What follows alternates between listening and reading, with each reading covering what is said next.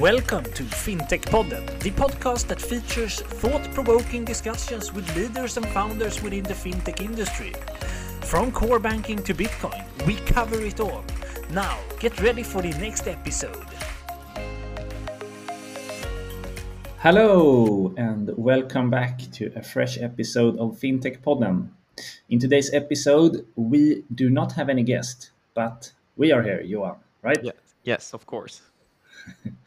And we have a an interesting episode today. We are going to discuss and deep dive um, and, and make a deep dive into a hot topic that is buy now, pay later, which there have been a lot of happenings in the fintech industry lately, right, Johan?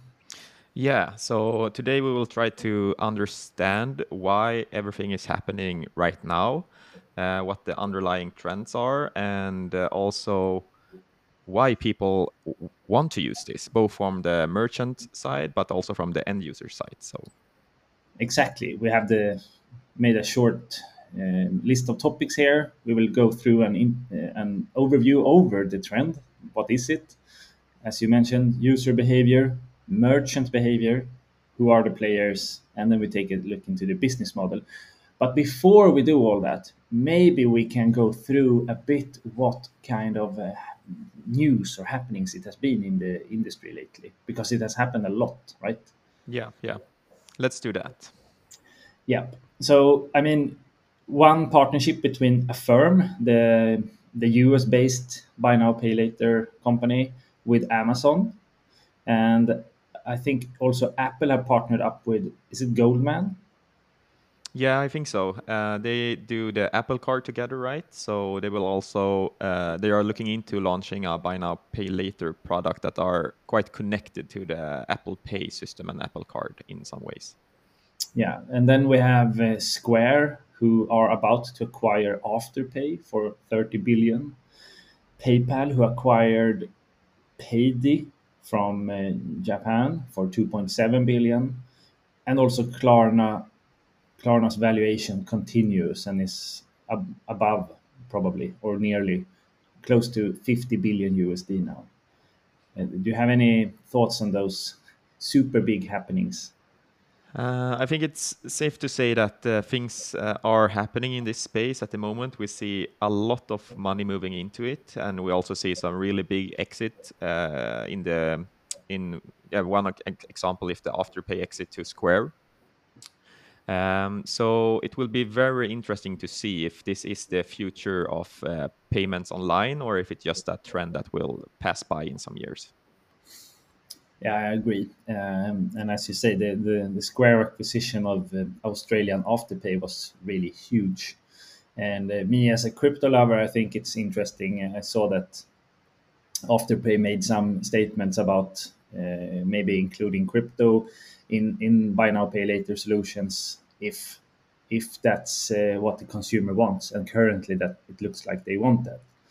But i mean we could also just ask each other have we ever used a buy now pay later product or solution? Maybe, can you start maybe? Yeah, it's a little bit uh, embarrassing actually that I haven't used any buy now pay later product ever. Uh, of course, I have been uh, using uh, the Klarna checkout function, but I have always been paying with my debit card. So I've never used the um, invoice function or the paying different part function. Actually, have you do uh, done that, Gustav? Uh, I don't think so. I had to think hard actually, and I don't think so. I've, as you said, I've also used uh, Klarna, but I always choose the account-to-account payment so directly taking money from my bank account um, usually takes a couple of days. Uh, and other than that, I try to use my American Express card as much as possible. Uh, I, I, collect those flying points. Um, so I, actually, I, I, don't think that I've used any buy now pay later. But if we don't, who who then do that? Yeah, the statistics say that it's a lot of people actually. So I think we will uh, go back to that later in the episode, but um, yeah, the the payment volumes that are flowing through this buy now pay later companies are really huge. So there must be a lot of people actually using them. yeah, yeah. Maybe it's time to to jump into to the overview of uh, buy now pay later and talk a little bit about what it is. Yeah, so maybe we should start to just define what buy now pay later actually means. So one way of describing it, it uh, it is uh, like a type of payment mechanism where people can buy goods or services uh, now and then make payments over time or in installments.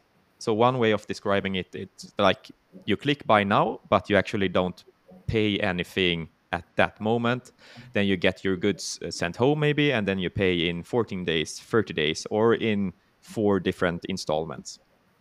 So one of those companies that we mentioned above here, Affirm, uh, Afterpay, Square, Klarna, and so on, they will be the actual one that pays for the product, and then you will pay them at a later point. Yeah, yeah. Uh, and I think in general, this this depends on where uh, geographically you are located. So the buy now pay later product actually differs quite a lot if you're in Sweden or in UK or in the US. But in general, I think you can say that there are two different uh, buy now pay later uh, products.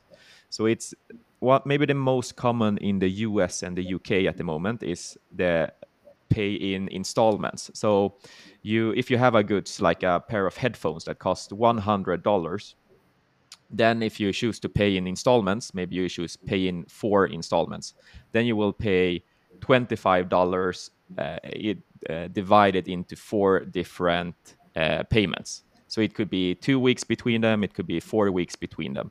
Uh, but and in general, there is no extra cost for the end consumer. So it's uh, it's a yeah quite nice way for an end consumer to split the payments if they want to do that.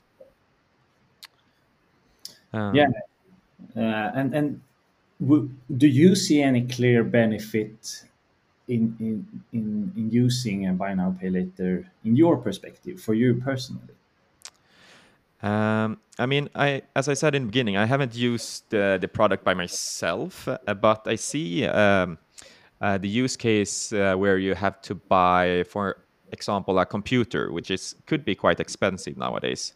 Uh, and you want to divide the cost over a couple of months uh, because uh, a computer is something you will use hopefully for a very long time then it could be nice to divide the cost of the computer over, for example, two salary payments to your bank account, uh, and that that could be a good use case. So if you, as an end consumer, uh, doesn't even have to pay anything extra to divide the cost, uh, then I see a clear use case, and I really understand why people use it for that yeah, that I've actually done back in 2012, I think, or 2013. I bought a Mac- MacBook like that.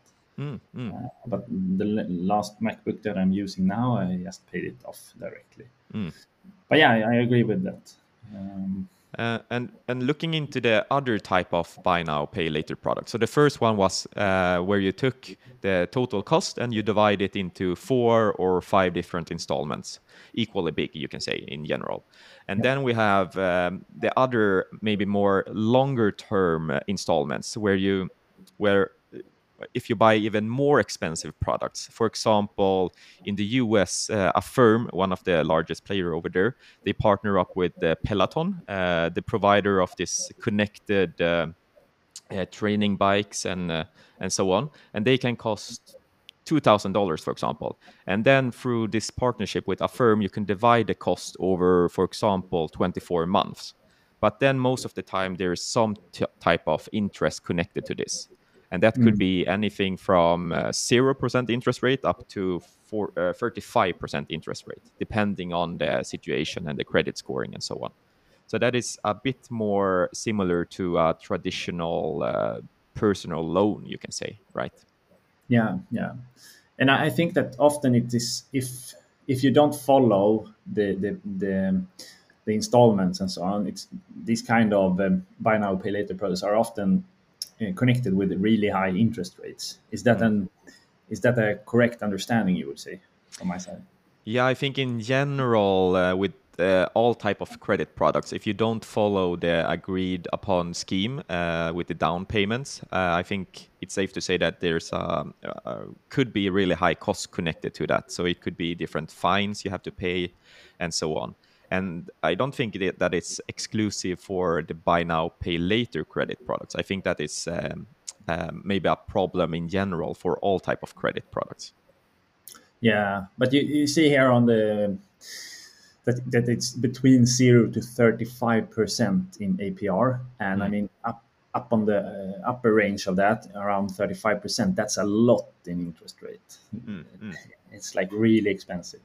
I mean, then, then it would be much better to just go and have a, a, a loan, a normal loan, if you can get that. Yeah, yeah. Um, but if we look at uh, maybe um, the mega trends out there, um, we hear a lot about uh, buy now, pay later, but uh, actually around last year at least, uh, two percent of the all the e-commerce transactions were through different buy now, pay later players. So that is two percent, um, but it's growing quite fast. Uh, and the number seems to be doubling now in the next coming years, but it's still not like a really huge part of all the transactions online. So it's still quite niched one, right? Yeah, and I guess that's why so much um, VC money are interested in investing in this industry because they see the huge potential to, to continue to grow.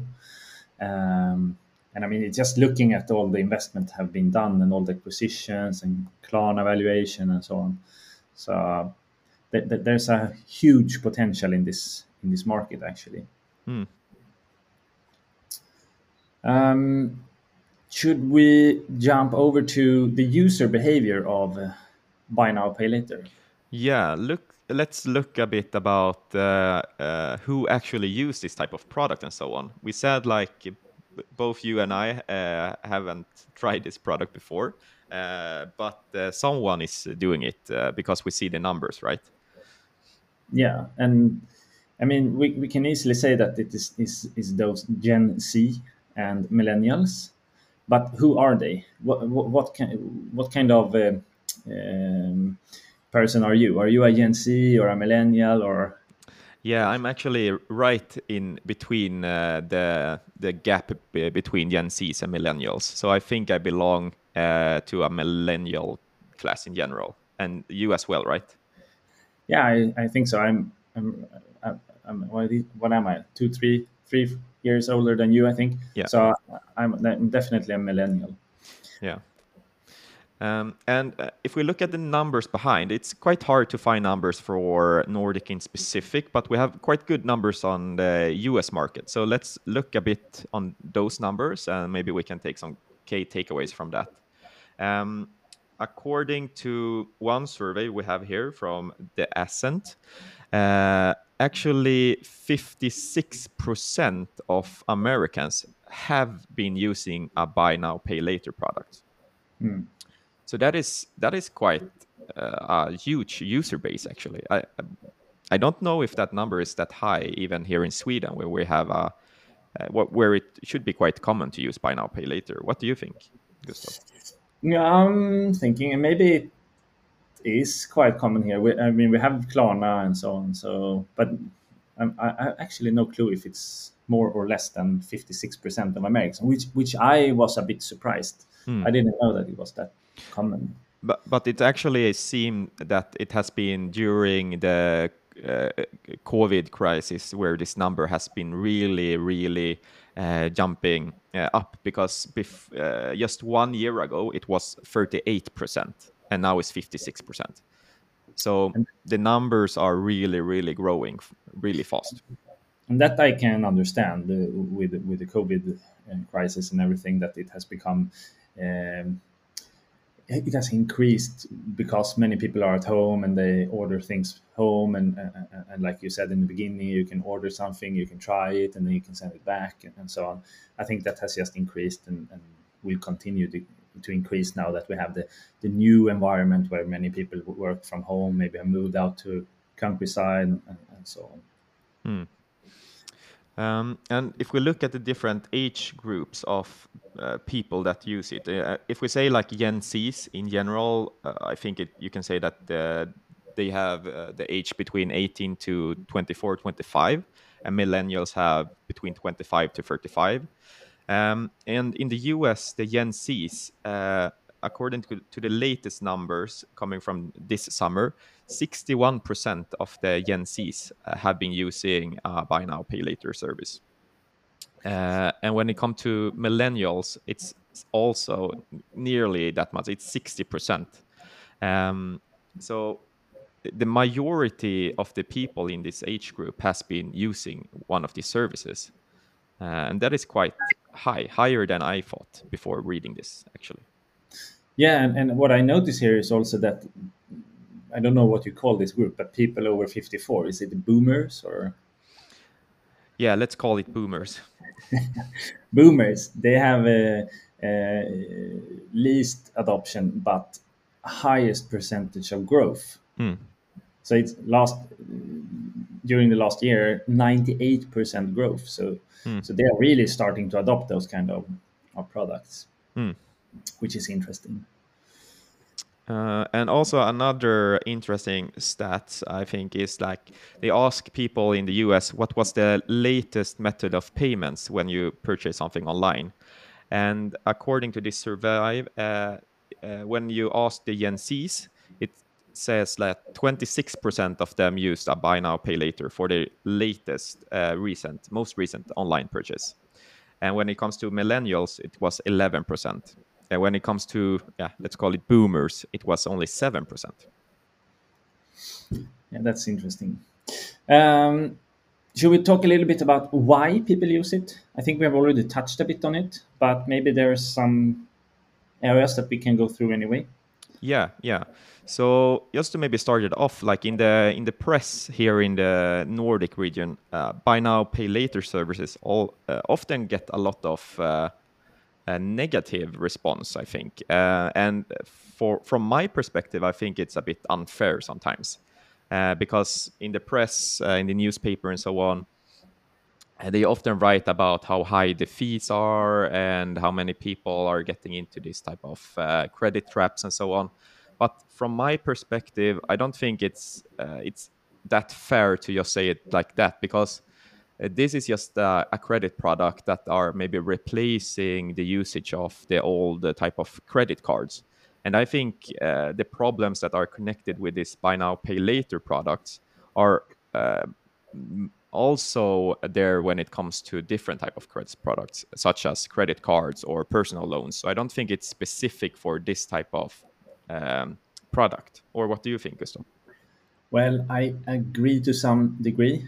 Uh, but I also think that um, this bad or negative credit uh, critique in, in, in, media and so on is a bit um, what do you say uh, right or uh, you could argue that that's a, a fair uh, bad critique because what this differs is that it makes it super easy to become trapped in debt and I I know for a fact that a lot of German people in, in, in Sweden have become trapped in trap in, in debt, and uh, it is a growing trend, and it's something that the uh, the government have noticed.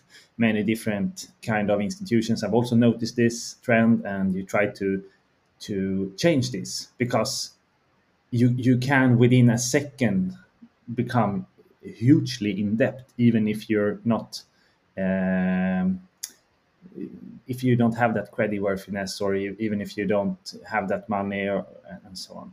So I think it's a bit fair actually, uh, and and also I know that they many people pay a lot, uh, above thirty percent in APR, and that's just like ridiculously expensive. If you com- compound that over month of month of month, it's, it's insane. But don't you think this was a problem uh, 10 years ago as well with uh, what we called back then the SMS loans, where you just send an SMS and then you get money on your bank account? Uh, isn't that kind of the same? Yeah, but I don't think you so can uh, argue for it being a good thing just because it has existed before. I think no. it's way, way, way much easier today to become in debt than before, even though it's similar thing. So that's a problem. And then I think that, that there's um, uh, it, it, it's it's it, you, you can't motivate it just because it has been easy before as well. Hmm. Um, and when we look at the statistics, this is also from the US market, where, where they asked uh, consumers uh, why they use the buy now, pay later services. Actually, the, the highest, um, the most common answer uh, was to, uh, from the consumer, was to, to avoid pa- paying credit card interest rates. That was 39% of the people asked uh, said that one. So many people, at least in the US, they they pre- prefer to use this the buy now pay later products instead of the traditional credit cards. Uh, it could be because there is more transparency around the fees, or the fees could be lower, or it could just be much simpler to use. What what is your takeaway from that, Gustav?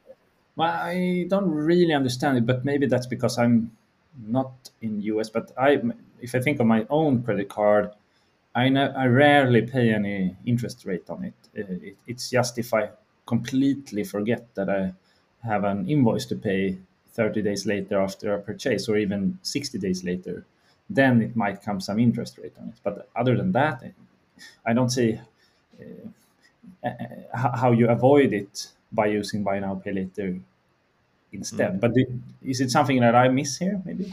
Yeah, maybe uh, we are not the best ones answering this uh, this type of question since we haven't been using th this product ourselves. But uh, yeah, I I, I don't uh, I cannot connect with this statement myself either. I think.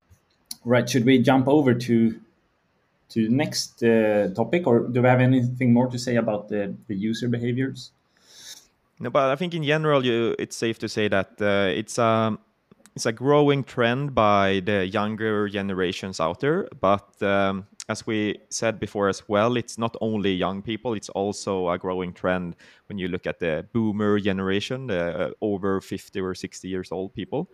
Um, so I think it's a growing trend in general. And um, it could be because it's a really easy product or that it's a good kind of uh, business model that I think we will go back to later in this episode as well. Mm. And uh, looking a bit into the to the merchant's behavior, then, I mean, there are some clear benefits for a merchant. Uh, they see increased sales and, and, and so on. But what do we think, or what would you say is is, is the merchant's behavior with buy now, pay later? Yeah. So in general, I think uh, when you read upon this area or topic, I think uh, two main things uh, come up. It's the uh, increase of uh, conversion rates, uh, which means that um, more people are buying stuff without abandoning the the cart, and I, I, I think I can connect myself to this area quite common when I look for stuff online. I'm browsing around, I put it in the cart, and then sometimes I'm decide to buy something, but then the checkout experience is really really bad, and I just uh, yeah close the tab and I will not go back there there again. And I think uh, if you have been using one of these buy now pay later options, they are they are really smooth, as uh, Klarna want us to say.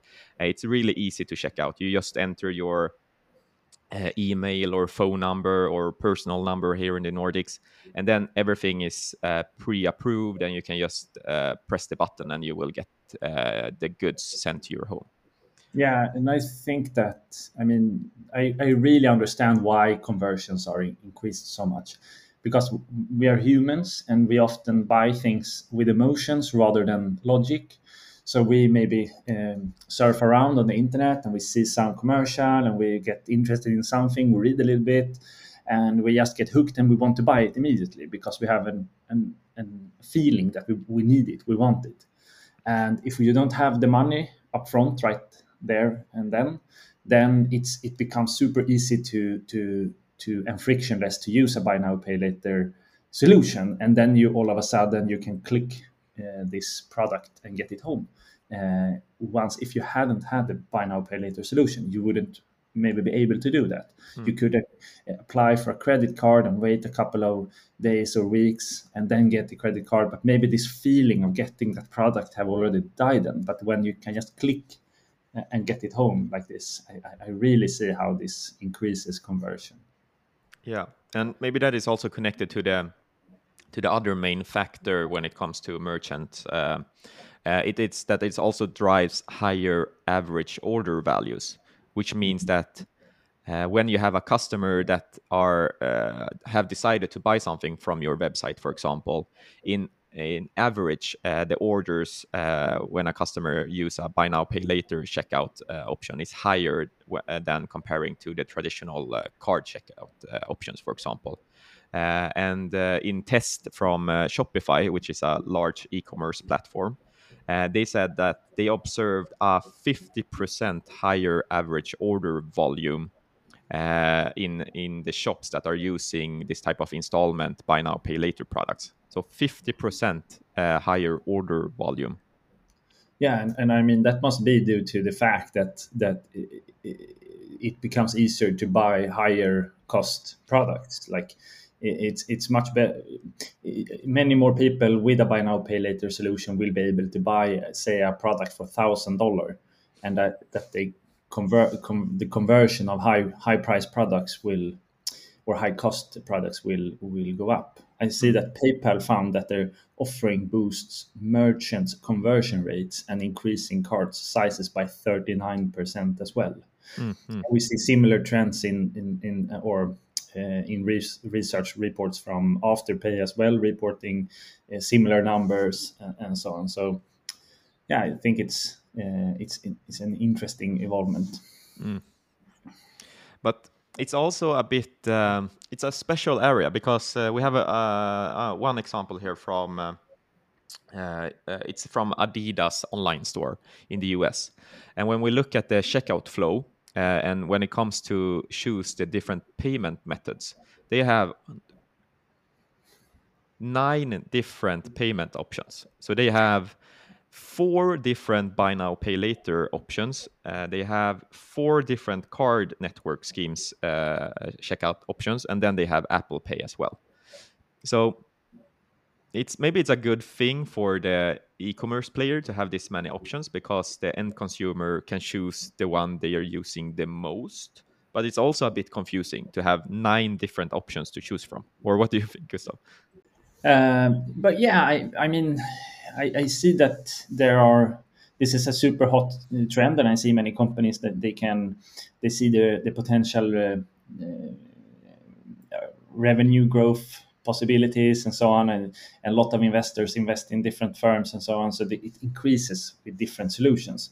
Uh, i think it's of course good but what do we think here? Do we think that there will be fewer options in a few years from now or will there be even more options? Uh, i'm not so sure. Maybe there will be consolidation in the market. What do you think?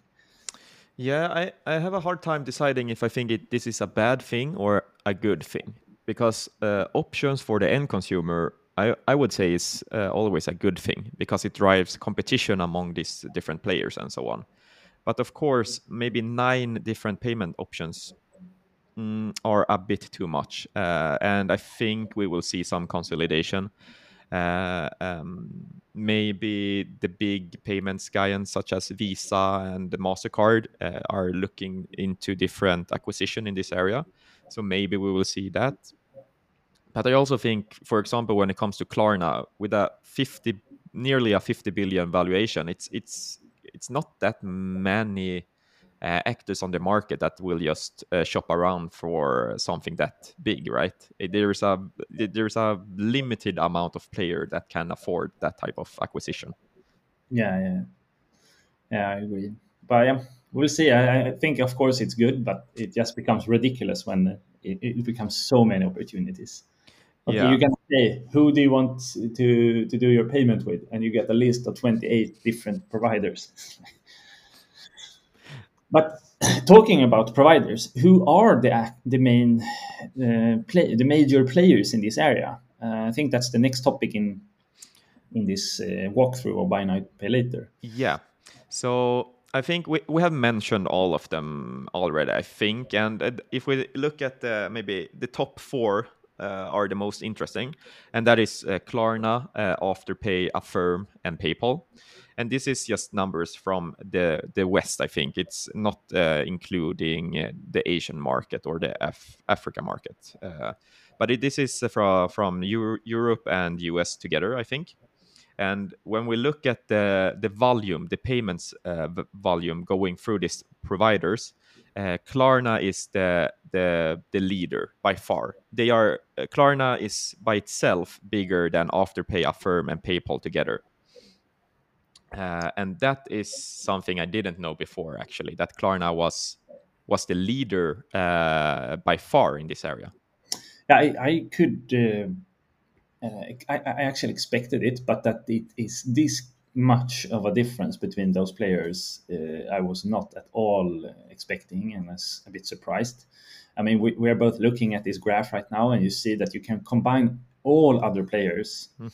and they will still not together be bigger than than Klarna. That's mm. that's in, in, interesting. And um, I mean, Klarna have 250,000 merchants and 90 million customers. That's mm. uh, hard to understand how much that, that is actually. Yeah, and they have such a huge geographical uh, bread as well. They they are active uh, in Europe. They are the market leader here in the Nordics. Uh, they are growing like crazy in the US and so on. So I think they are really at least in the West, they are they have pre- presence in a lot of different countries, and the other players are more uh, they are not located in that many different geographies. Uh, I think.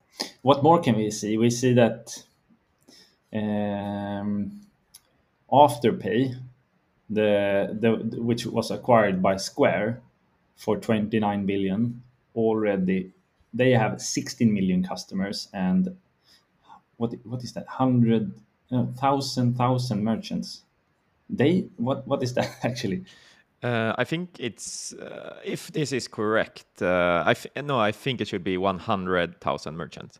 Yeah, because they can't have like four times more merchants than Klarna, but still be much smaller, right? Yeah, or they just have a lot of small merchants, and Klarna are going for the large one. Yeah, maybe. But looking at the at the end customers that using the different products, Klarna is the leader here as well. We said like they have 90 million customers using their service, uh, and uh, many of them using their app as well. Uh, Afterpay, they have 16 million uh, uh, uh, end consumers that are using this product. PayPal has 7 million. Affirm has a bit more than 5 million. So here in this area, Klarna is the leader leader as well, and I think we should be a bit proud uh, that a Swedish company uh, like Klarna can be this big internationally.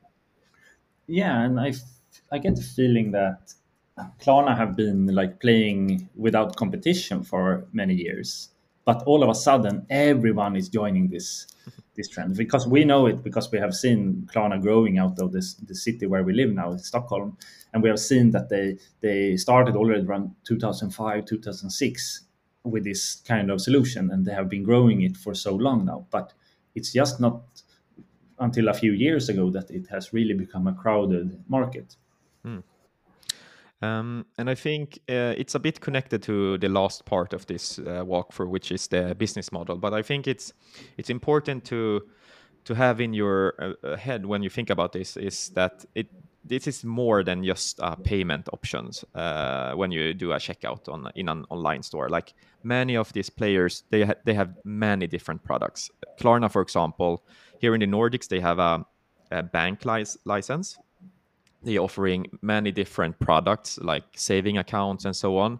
Uh, they have an app that are one of the fastest growing shopping platforms in the world at the moment as well. So they are much more than just a checkout uh, solution, right? Yeah, yeah, definitely. Um, but taking a look at the business model, then, how does the business model for this uh, for for buy now pay later look? Hmm. Uh, what are the the, the, the the key things here to understand? Yeah, so in general, I think you can say that there there's three different type uh, of uh, revenues uh, that the buy now pay later player gets. It's the fees from the merchants, uh, like the e-commerce stores that are using their checkout solutions. Uh, then we have the late fees from consumers, and then we also have the interest fees from the consumers, uh, depending on what type of product the end consumer choose. So if we take a look at the first one, the fees from the merchants, according to the data we have got, uh, the the merchants or the e-commerce stores they are actually paying nearly double uh, the fees uh, for a buy now pay later checkout than a traditional card checkout.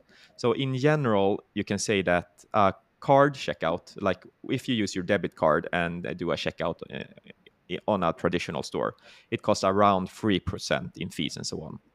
And for example, if you use uh, Klarna or Affirm, in general, uh, it costs the merchant or e-commerce player around 6%, a bit more sometimes. So that is actually double the cost for the e-commerce player to use a buy now pay later product. Yeah, I think it's crazy. I mean, often this will be 100% digital payments like there, there are no like point of sale and, and so on. That you do the payment online and so on but it's double in the fee. Isn't isn't that uh, uh, crazy? But i think here is as well that, that it, it, this is a in many cases a credit product right? And then yeah. you have a credit risk connected to it. And uh, it's the buy now pay later player that taking this risk in this uh, type of payment flow. And i think that's the reason why they have to take a bit higher fee. So if a merchant have a, a, a product that they normally would sell for a thousand kron, kroner or let's say a hundred dollars yeah. then they would actually price it for 106 dollar 106 dollar when when including a lot of buy now pay later solutions yeah, or you can say like if it costs one hundred dollar uh, and uh, end consumer using their traditional Visa debit card from their bank, they will the e-commerce player will receive ninety seven dollar right into their bank account after I have paid as an end consumer. And if I use Klarna, for example, as a checkout option, and I choose to buy now pay later, the merchant will only receive ninety four dollars. Yeah. Well, my, my takeaway on that is that uh, it beca- it seems like it becomes more expensive for the end consumer.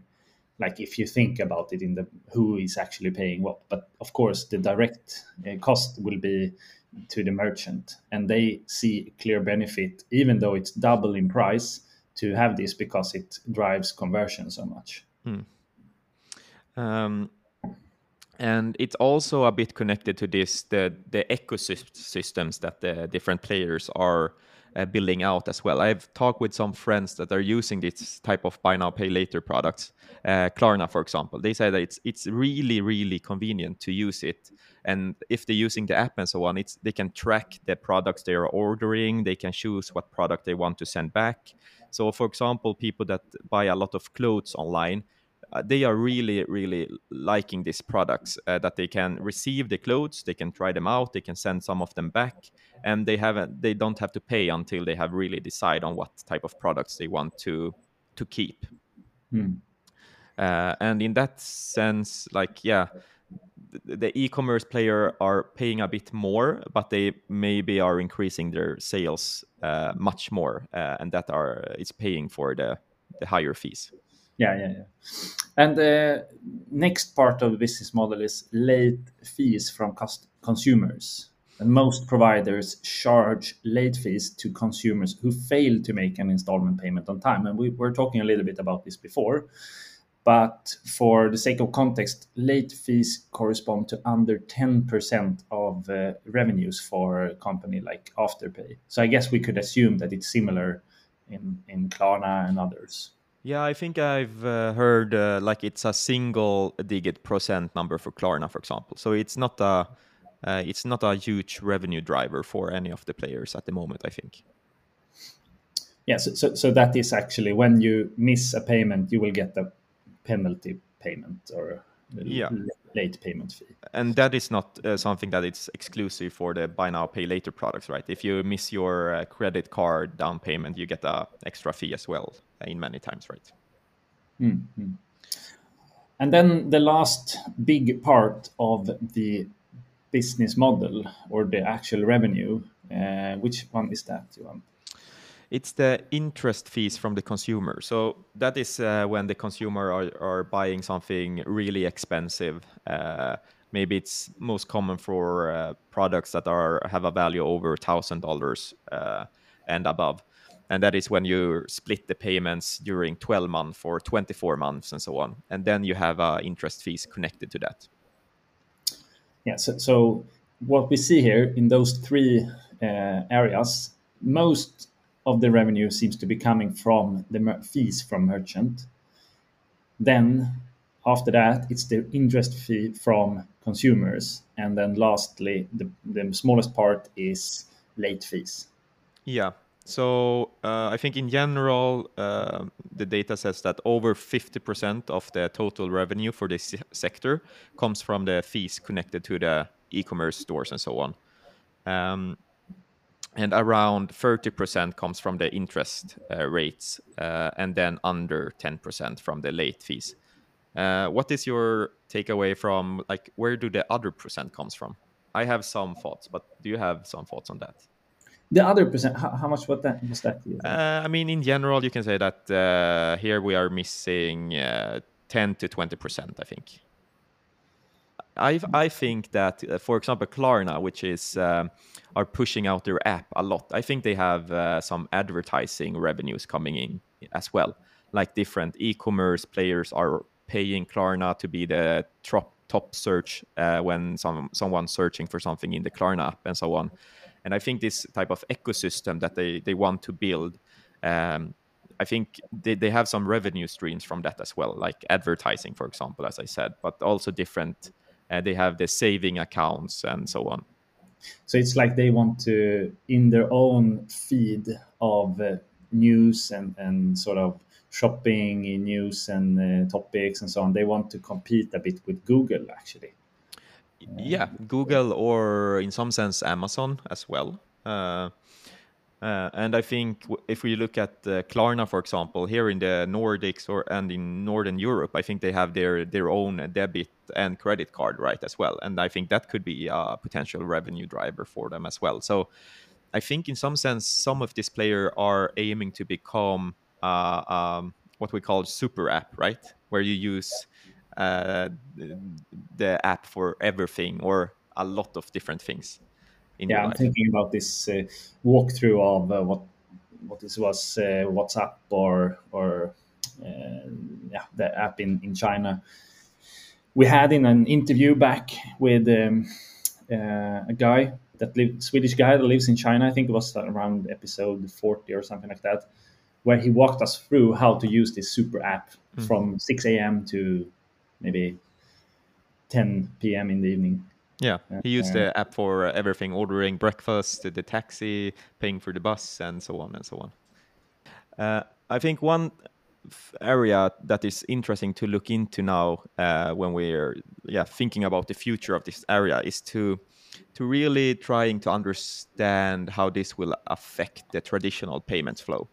So traditionally, when it comes to uh, online commerce, we have been using Visa uh, or Mastercard to do our payments. But when we look at this type of buy now, pay later products, they are in some sense cre- creating their own payment flows without Visa and Mastercard's involvement, actually. Mm. So for the first time, you you can have this type of solution where you can, uh, end consumer can buy something at an e-commerce player and you don't have to involve Visa and MasterCard for that payment flow. But another reflection, at least from the US market, is that I think uh, 80% of the payments or the down payments or the installment payments that the end consumers uh, are doing with Klarna, for example, if you divide it into four, they actually pay with a MasterCard or Visa card. So mm. they hmm. are involved in one sense, but not fronting them at the at the e-commerce store. So that is also interesting to see how that will change. I think in Europe we will see a lot more the of the open banking connections, so the bank to bank transfer. So you will do your Klarna payments with a bank connection and not with a Visa or Mastercard and so on. But I think this is a topic that uh, we have to watch out and see how the traditional players react uh, to this as well. Yeah, I agree, and and they are also invested in Klarna, for example. I think Visa have invested. I don't know how much in in uh, comparison with other investors, but for a couple of years ago, I, I remember they made some bigger investments in in Klarna. Hmm. Um, but yeah, I think it's interesting to see how how this will evolve and how it will affect the the traditional players. Yeah. Um, do we have any final thoughts about buy now pay later, or I got I the think... feeling that have walked it through pretty well. Yeah, I think we have covered most of the stuff we prepared, right? Um, yeah, I think it's it's safe to say that this is a very fast growing area. Uh, it's uh, very interesting to see where it will end up. Uh, I think we will see more and more players entering this area. Uh, I don't think we covered it in the beginning, beginning but uh, the owner of IKEA, uh, Ingka, they actually invested in a buy now pay later company as well. So I think we will see this movement where we see different merchants buying their own buy now pay later providers or becoming their own buy now later providers because uh, the payment volume um, in this area is so huge. So I think there's a lot of money to be made if you're uh, creating a good product for the end consumer yeah exactly. That's something that i've been thinking a bit about like if you see those big uh, firms like amazon and so on it, it, makes more sense that they just buy uh, a huge buy now pay later player uh, and, and make it their own s- sort of solution. Um, but yeah i guess we can put the materials the research and the reports that we have uh, used during this uh, episode in the links below in the, in the podcast. And uh, I mean, if you like this episode and what we did here, uh, please uh, give us a shout out and, and say what you thought about it. Uh, if you have any feedback, that's also very welcome. Any final thoughts before we round off? Um, no, I think we have covered uh, most of the stuff, and um, maybe we can do a follow up in a couple of months or a year or so to see where uh, where this topic has ended up. Yeah, I think it's uh, it feels like there's at least one big uh, announcement or news in this area every third day or something like that now. Yeah. Until next time, we wish you a great time, basically. Yes. Thank you. Bye bye. And that was it for today's episode. We hope that you liked it. Both I and Johan are very happy and thankful that you're listening to us. And if you like what we do here, please go into iTunes or whatever platform you're listening from and leave a review or a rate. We would appreciate that a lot. We will soon be back with another episode, and until then, have a good time.